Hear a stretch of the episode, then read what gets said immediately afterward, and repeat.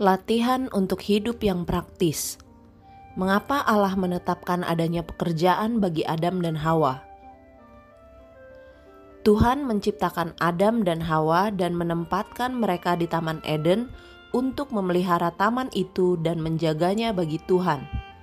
Demi kebahagiaan merekalah kepada mereka diberi beberapa pekerjaan atau kalau tidak maka Tuhan tidak akan menetapkan pekerjaan bagi mereka. Dalam perundingan dengan Bapa sebelum dunia ini ada, telah direncanakan bahwa Tuhan Allah akan membuat sebuah taman bagi Adam dan Hawa di Eden dan memberikan kepada mereka tugas untuk memelihara pohon-pohon buah-buahan dan memupuk serta memperkembangkan sayur-sayuran. Pekerjaan yang berguna harus menjadi pelindung bagi mereka dan hal itu harus dilanjutkan sepanjang generasi-generasi sampai kepada akhir sejarah dunia ini. Teladan Yesus sebagai pekerja yang sempurna. Di dalam kehidupannya di dunia ini, Kristus adalah seorang yang penurut dan berguna di dalam rumah tangga.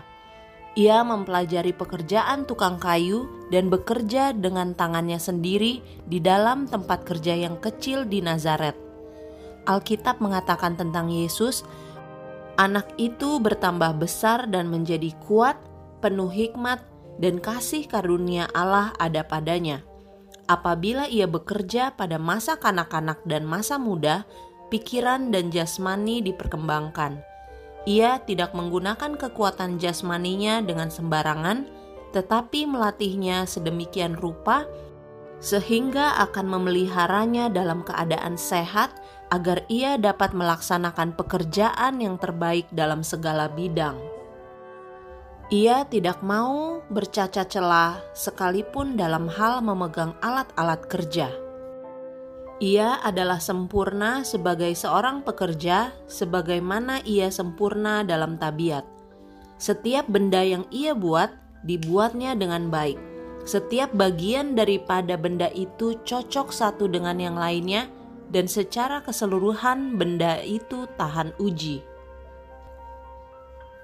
Setiap hari ia bekerja dengan tangan yang sabar. Yesus menjadikan jalan yang hina daripada kehidupan manusia itu suci oleh teladannya. Hidupnya ditandai oleh kerajinan. Ia, Raja Sorga itu, menyusuri jalan-jalan, berpakaian jubah yang sederhana dari pekerja yang biasa ia mendaki dan menuruni lereng-lereng gunung dalam perjalanan pulang dan pergi ke pekerjaannya yang sederhana itu. Malaikat-malaikat tidak dikirimkan untuk menggendong dia di atas sayap mereka pada waktu mendaki jalan yang meletihkan itu, atau meminjamkan kekuatan mereka untuk melaksanakan tugasnya yang sederhana itu. Namun demikian, bila mana ia pergi untuk menyumbangkan tenaganya untuk menolong keluarganya oleh pekerjaannya setiap hari itu, ia memiliki tenaga yang sama sebagaimana pada waktu ia mengadakan mujizat memberi makan 5000 orang yang lapar di tepi laut Galilea. Tetapi ia tidak menggunakan kuasa ilahinya untuk mengurangi bebannya untuk meringankan pekerjaannya ia telah mengambil bagi dirinya sendiri bentuk kemanusiaan dengan segala kesusahan-kesusahan yang menyertainya, dan ia tidak undur sedikit pun dari segala ujian yang paling hebat sekalipun. Ia hidup di dalam sebuah rumah orang biasa, ia berpakaian jubah yang sederhana, ia bercampur baur dengan orang-orang yang hina, setiap hari ia bekerja dengan tangan yang sabar Teladannya menunjukkan kepada kita bahwa adalah tugas manusia untuk menjadi rajin, bahwa pekerjaan adalah sesuatu yang mulia.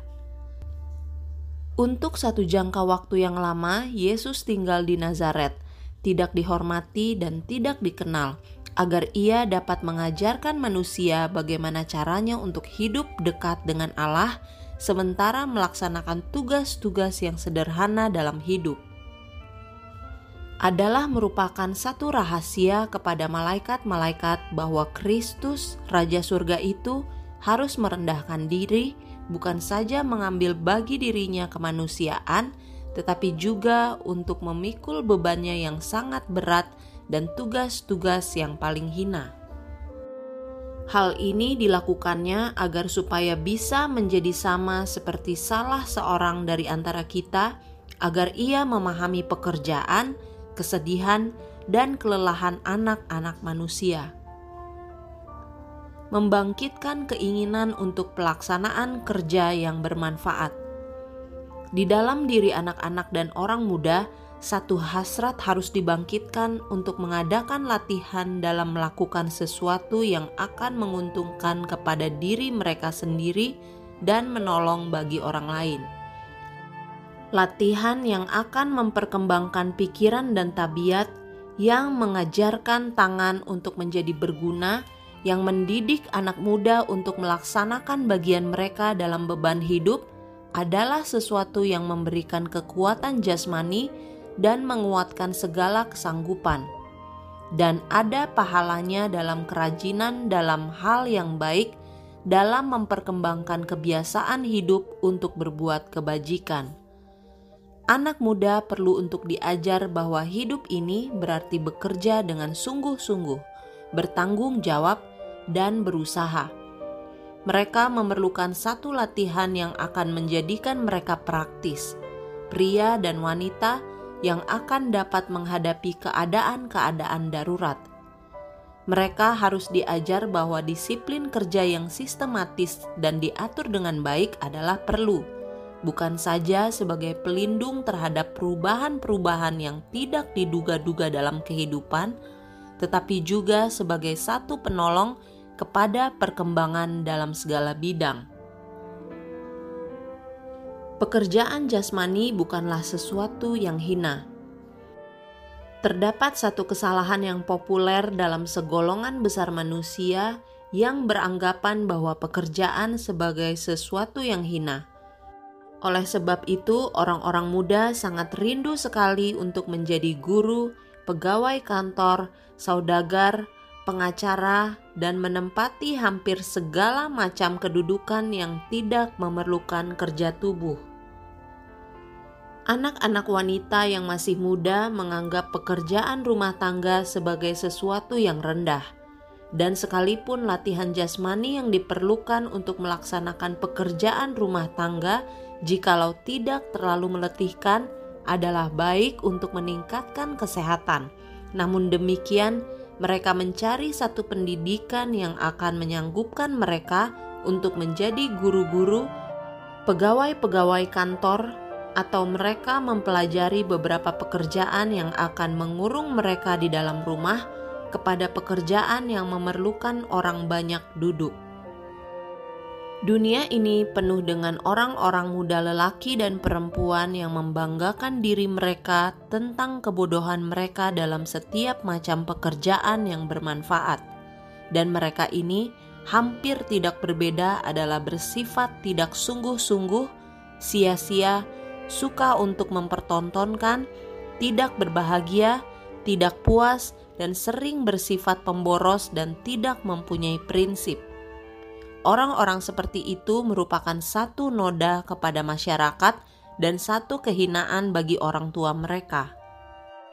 Tidak seorang pun dari antara kita harus merasa malu terhadap pekerjaan, bagaimana remeh dan hinanya pun nampaknya hal itu. Pekerjaan adalah sesuatu yang agung. Semua orang yang bekerja dengan kepala atau tangan adalah merupakan pekerja pria dan pekerja wanita dan semua sedang melaksanakan tugas mereka dan menghormati agama mereka pada waktu sedang mencuci piring, sama seperti pada waktu mereka sedang pergi ke kumpulan kebaktian.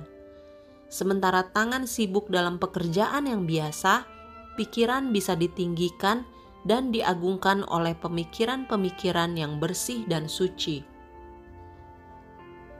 anak-anak muda harus menjadi majikan, bukan budak pekerjaan. Anak muda harus dituntun untuk menyadari martabat kerja yang sebenarnya. Satu sebab utama mengapa kerja secara jasmani dianggap hina ialah oleh karena sering pekerjaan itu dilaksanakan dengan cara yang sembarangan dan tidak dipikirkan. Hal itu dilakukan karena terpaksa, bukan karena pilihan. Orang yang mengerjakannya tidaklah menaruh perhatiannya terhadap pekerjaan itu, dan juga ia tidak mempertahankan kehormatan diri ataupun memenangkan kehormatan dari orang lain. Latihan kerja secara badani harus memperbaiki kesalahan ini. Hal itu harus memperkembangkan kebiasaan untuk menjadi teliti dan sempurna. Para murid harus diajar cara kerja yang bijaksana dan teratur. Mereka harus belajar untuk menghemat waktu dan menjadikan setiap gerakan bermanfaat. Mereka harus diajar bukan saja metode-metode yang terbaik tetapi juga diilhami dengan hasrat untuk berkembang terus-menerus.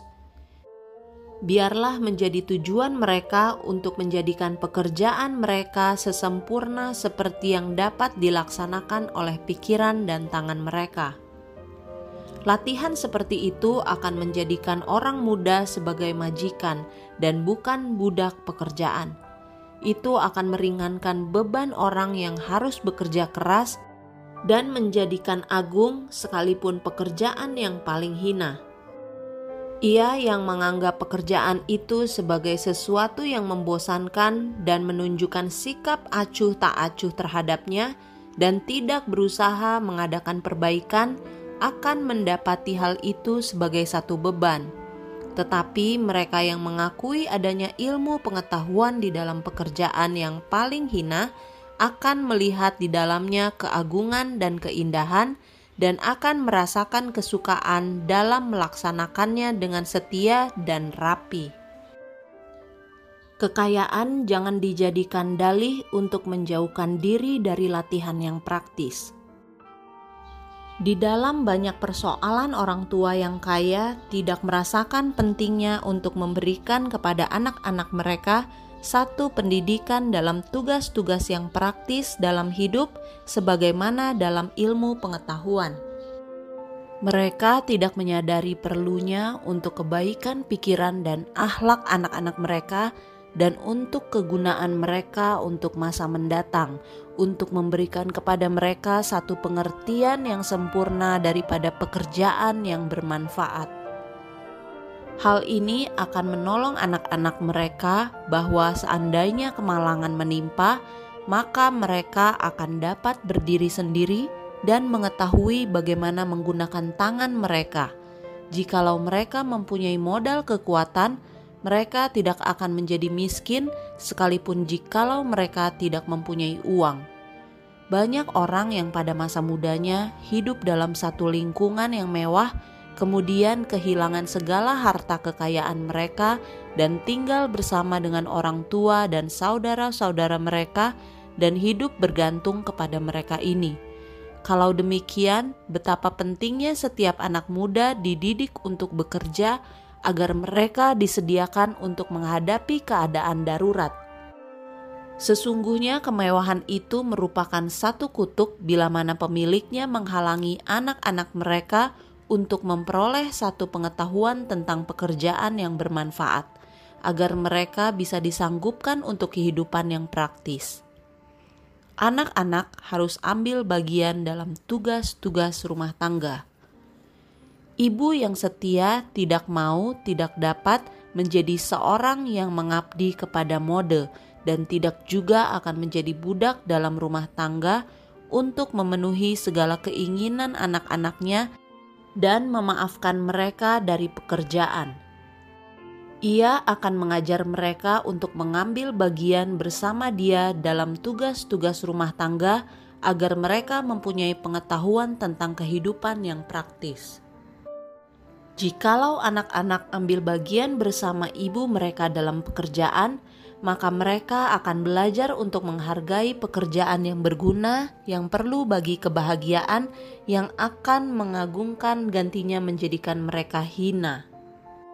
Tetapi, jikalau ibu mendidik anak-anak perempuannya untuk menjadi pemalas, sementara ia menanggung segala beban yang berat atas kehidupan rumah tangga, ia sedang mengajar mereka untuk menganggap dirinya sebagai hamba mereka, untuk melayani mereka dan mengerjakan segala pekerjaan yang mereka harus lakukan. Ibu harus senantiasa mempertahankan martabatnya.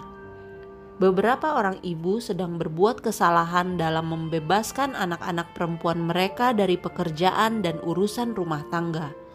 Dengan berbuat demikian, mereka sedang mendorong anak-anak itu dalam kemalasan Dalih yang kadang-kadang dikemukakan oleh para ibu seperti ini adalah putri-putri saya tidak kuat, tetapi mereka mengambil jalan yang pasti akan menjadikan anak-anak mereka itu lemah dan tidak rapi. Pekerjaan yang teratur dengan baik adalah apa yang mereka perlukan untuk menjadikan mereka kuat, bersemangat, bersuka, dan berbahagia dan berani untuk menghadapi segala macam ujian yang memenuhi kehidupan ini. Tetapkan tugas-tugas yang berguna bagi anak-anak. Kesembronoan orang tua dalam mengabaikan untuk memberikan pekerjaan kepada anak-anak mereka telah mengakibatkan kejahatan yang tidak terkatakan dan membahayakan kehidupan banyak orang muda dan dengan secara menyedihkan telah melumpuhkan kegunaan mereka. Allah menghendaki baik orang tua dan guru untuk mendidik anak-anak dalam tugas-tugas yang praktis dari kehidupan sehari-hari. Perkembangkan sifat kerajinan. Anak-anak perempuan, bahkan anak-anak lelaki yang tidak mempunyai pekerjaan di luar rumah, harus belajar bagaimana menolong ibu. Sejak masa kanak-kanak, anak-anak lelaki dan perempuan harus diajar memikul beban yang lebih berat dan lebih berat lagi dengan bijaksana menolong dalam pekerjaan di perusahaan rumah tangga. Para ibu dengan sabar menunjukkan kepada anak-anakmu bagaimana menggunakan tangan mereka. Biarlah mereka memahami bahwa tangan mereka harus digunakan semahir tanganmu dalam pekerjaan rumah tangga setiap anak dalam keluarga harus mempunyai satu bagian daripada beban rumah tangga untuk dipikul dan harus diajar untuk melaksanakan tugasnya dengan setia dan dengan penuh kesukaan. Jikalau pekerjaan dibagikan dengan cara seperti ini, dan anak-anak menjadi besar dalam kebiasaan untuk memikul tanggung jawab yang sepantasnya, maka tidak ada anggota rumah tangga yang mempunyai beban yang berlebihan, dan segala sesuatu akan berjalan dengan menyenangkan dan dengan lancar di dalam rumah tangga. Satu cara pengaturan yang baik akan dipertahankan oleh karena masing-masing akan mengetahui dan menaruh perhatian dalam segala urusan yang kecil-kecil dalam rumah tangga. Memasak dan menjahit adalah pelajaran-pelajaran dasar para ibu harus membawa anak-anak perempuan mereka ke dapur bersama-sama dengan mereka dan memberikan kepada anak-anak itu pendidikan yang sempurna dalam bidang masak-masakan. Mereka juga harus mengajar anak-anak itu dalam seni menjahit secara dasarnya. Mereka harus mengajar anak-anak ini bagaimana caranya memotong pakaian dengan hemat dan menjahitnya dengan rapi. Beberapa orang ibu gantinya bersusah payah untuk dengan sabar mengajar anak-anak perempuan mereka yang tidak berpengalaman ini lebih suka melakukan segala-galanya dengan diri mereka sendiri. Tetapi dengan melakukan hal ini, mereka mengabaikan satu cabang pendidikan yang perlu dan melakukan satu kesalahan yang besar terhadap anak-anak mereka. Oleh karena di dalam hidup mereka pada masa yang akan datang, mereka akan merasa malu oleh karena tidak memiliki pengetahuan dalam perkara-perkara ini. Berikan latihan baik kepada anak lelaki dan anak perempuan. Oleh karena baik pria dan wanita mempunyai satu bagian dalam mengatur rumah tangga, maka anak-anak lelaki, sebagaimana halnya anak perempuan, harus memperoleh satu pengetahuan tentang tugas-tugas rumah tangga. Untuk membereskan tempat tidur dan mengatur sebuah kamar dengan baik, untuk mencuci piring, menyediakan makanan, mencuci dan menjahit pakaiannya sendiri, adalah satu latihan yang tidak akan menjadikan anak lelaki menjadi kurang jantan. Hal ini akan menjadikan dia lebih berbahagia dan lebih berguna. Dan jikalau anak-anak perempuan sebaliknya dapat belajar untuk menjinakkan dan mengendarai seekor kuda dan menggunakan gergaji dan palu sebagaimana juga alat pembersih kebun dan cangkul maka mereka akan lebih disanggupkan untuk menghadapi keadaan-keadaan darurat dalam hidup. Adalah sama perlunya bagi anak-anak perempuan kita untuk mempelajari penggunaan waktu dengan sepatutnya, sebagaimana bagi anak lelaki kita, dan mereka sama-sama bertanggung jawab kepada Allah atas cara oleh mana mereka menggunakannya. Hidup diberikan kepada kita untuk memperkembangkan dengan cara yang bijaksana akan segala bakat yang kita miliki. Lihat kesempatan-kesempatan untuk memelihara kekuatan ibu.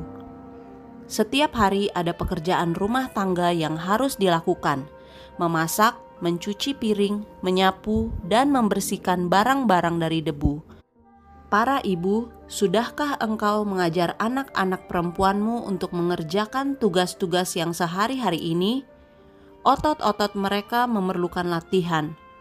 Gantinya mengadakan latihan dengan cara melompat-lompat dan bermain bola, biarlah gerak badan mereka diadakan dengan maksud tertentu. Ajar anak-anak untuk mengambil bagian mereka dalam memikul beban rumah tangga usahakan agar mereka tetap sibuk dalam pekerjaan yang bermanfaat. Tunjukkan kepada mereka bagaimana caranya melaksanakan pekerjaan mereka dengan mudah dan dengan baik. Tolong mereka untuk menyadari bahwa dengan meringankan beban ibu, berarti mereka sedang memelihara kekuatannya dan memperpanjang umur hidupnya. Banyak ibu yang letih telah meninggal dunia lebih cepat, bukan oleh sebab yang lain daripada bahwa anak-anaknya tidak pernah diajar untuk mengambil bagian dalam memikul beban. Dengan memperkembangkan satu roh pelayanan yang tidak mementingkan diri di dalam rumah tangga, orang tua sedang menarik anak-anak mereka lebih dekat kepada Kristus, yang merupakan wujud dari sifat tidak mementingkan diri sebuah percobaan dalam kebahagiaan.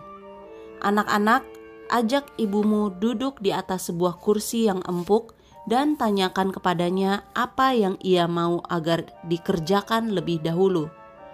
Betapa satu hal yang akan mengherankan kepada banyak ibu yang letih dan terlalu berat dalam pekerjaannya anak-anak dan orang muda tidak pernah akan merasakan ketenangan dan kepuasan sebelum mereka ikut meringankan tangan ibu yang letih dan hati serta pikiran ibu yang lelah dengan cara melakukan dengan setia akan tugas-tugas rumah tangga.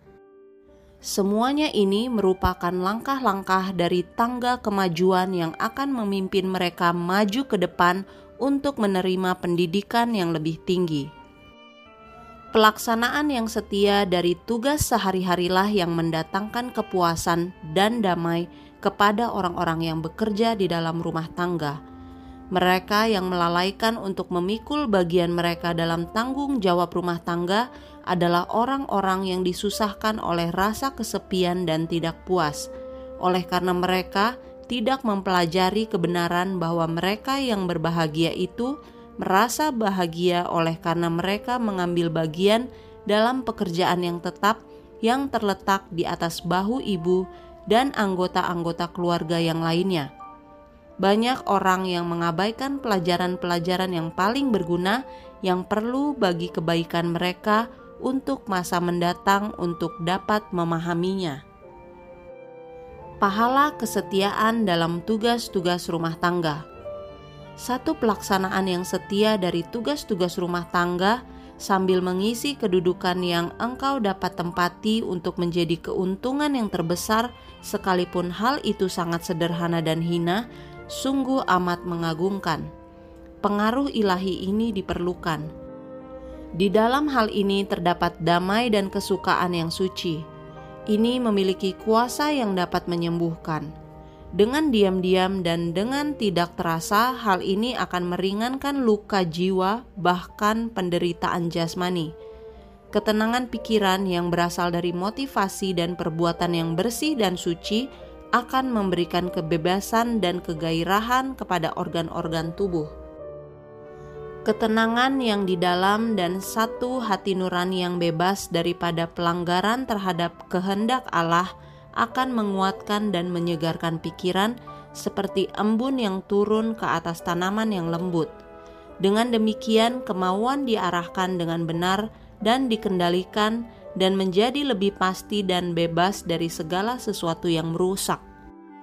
Pemikiran-pemikirannya akan menyenangkan oleh karena semuanya itu telah disucikan.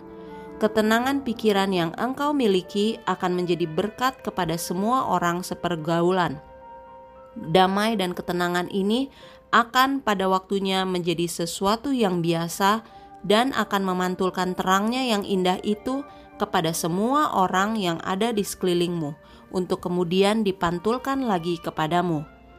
Lebih engkau menikmati damai sorga dan ketenangan pikiran seperti ini, maka akan lebih bertambah lagi hal itu itu merupakan satu kesukaan yang hidup yang tidak akan memboroskan segenap kekuatan akhlak sehingga menjadikannya lumpuh tidak berdaya, melainkan akan membangkitkan semuanya kepada satu keadaan yang lebih aktif lagi. Damai yang sempurna adalah satu sifat sorga yang dimiliki oleh malaikat-malaikat. Akan ada kegiatan di dalam surga Malaikat-malaikat adalah pekerja-pekerja. Mereka adalah pelayan-pelayan Allah bagi anak-anak manusia. Hamba-hamba yang malas itu yang mengharapkan adanya satu sorga di mana tidak akan ada pekerjaan mempunyai pendapat yang keliru tentang apa sebenarnya sorga itu. Halik itu tidak menyediakan tempat untuk pemuasan sifat bermalas-malas yang keji itu Sorga adalah satu tempat yang penuh dengan kegiatan yang menarik perhatian. Namun demikian, bagi mereka yang merasa lelah dan yang memikul beban yang berat, bagi mereka yang telah mengadakan peperangan iman dengan baik, itu akan merupakan satu istirahat yang penuh kemuliaan. Oleh karena kesegaran dan kegairahan daripada kebakaan akan menjadi bagian mereka, dan mereka tidak perlu lagi untuk bergumul melawan dosa dan setan. Bagi orang-orang yang selalu bekerja dengan giat, satu keadaan di mana terdapat kemalasan yang kekal akan merupakan sesuatu yang membosankan. Hal itu tidak akan merupakan sorga kepada mereka jalan yang sukar yang telah ditetapkan bagi orang Kristen di dunia ini boleh jadi berat dan meletihkan, tetapi hal itu telah diberi kehormatan dengan adanya jejak penebus, dan orang yang mengikuti jalan yang suci itu akan selamat.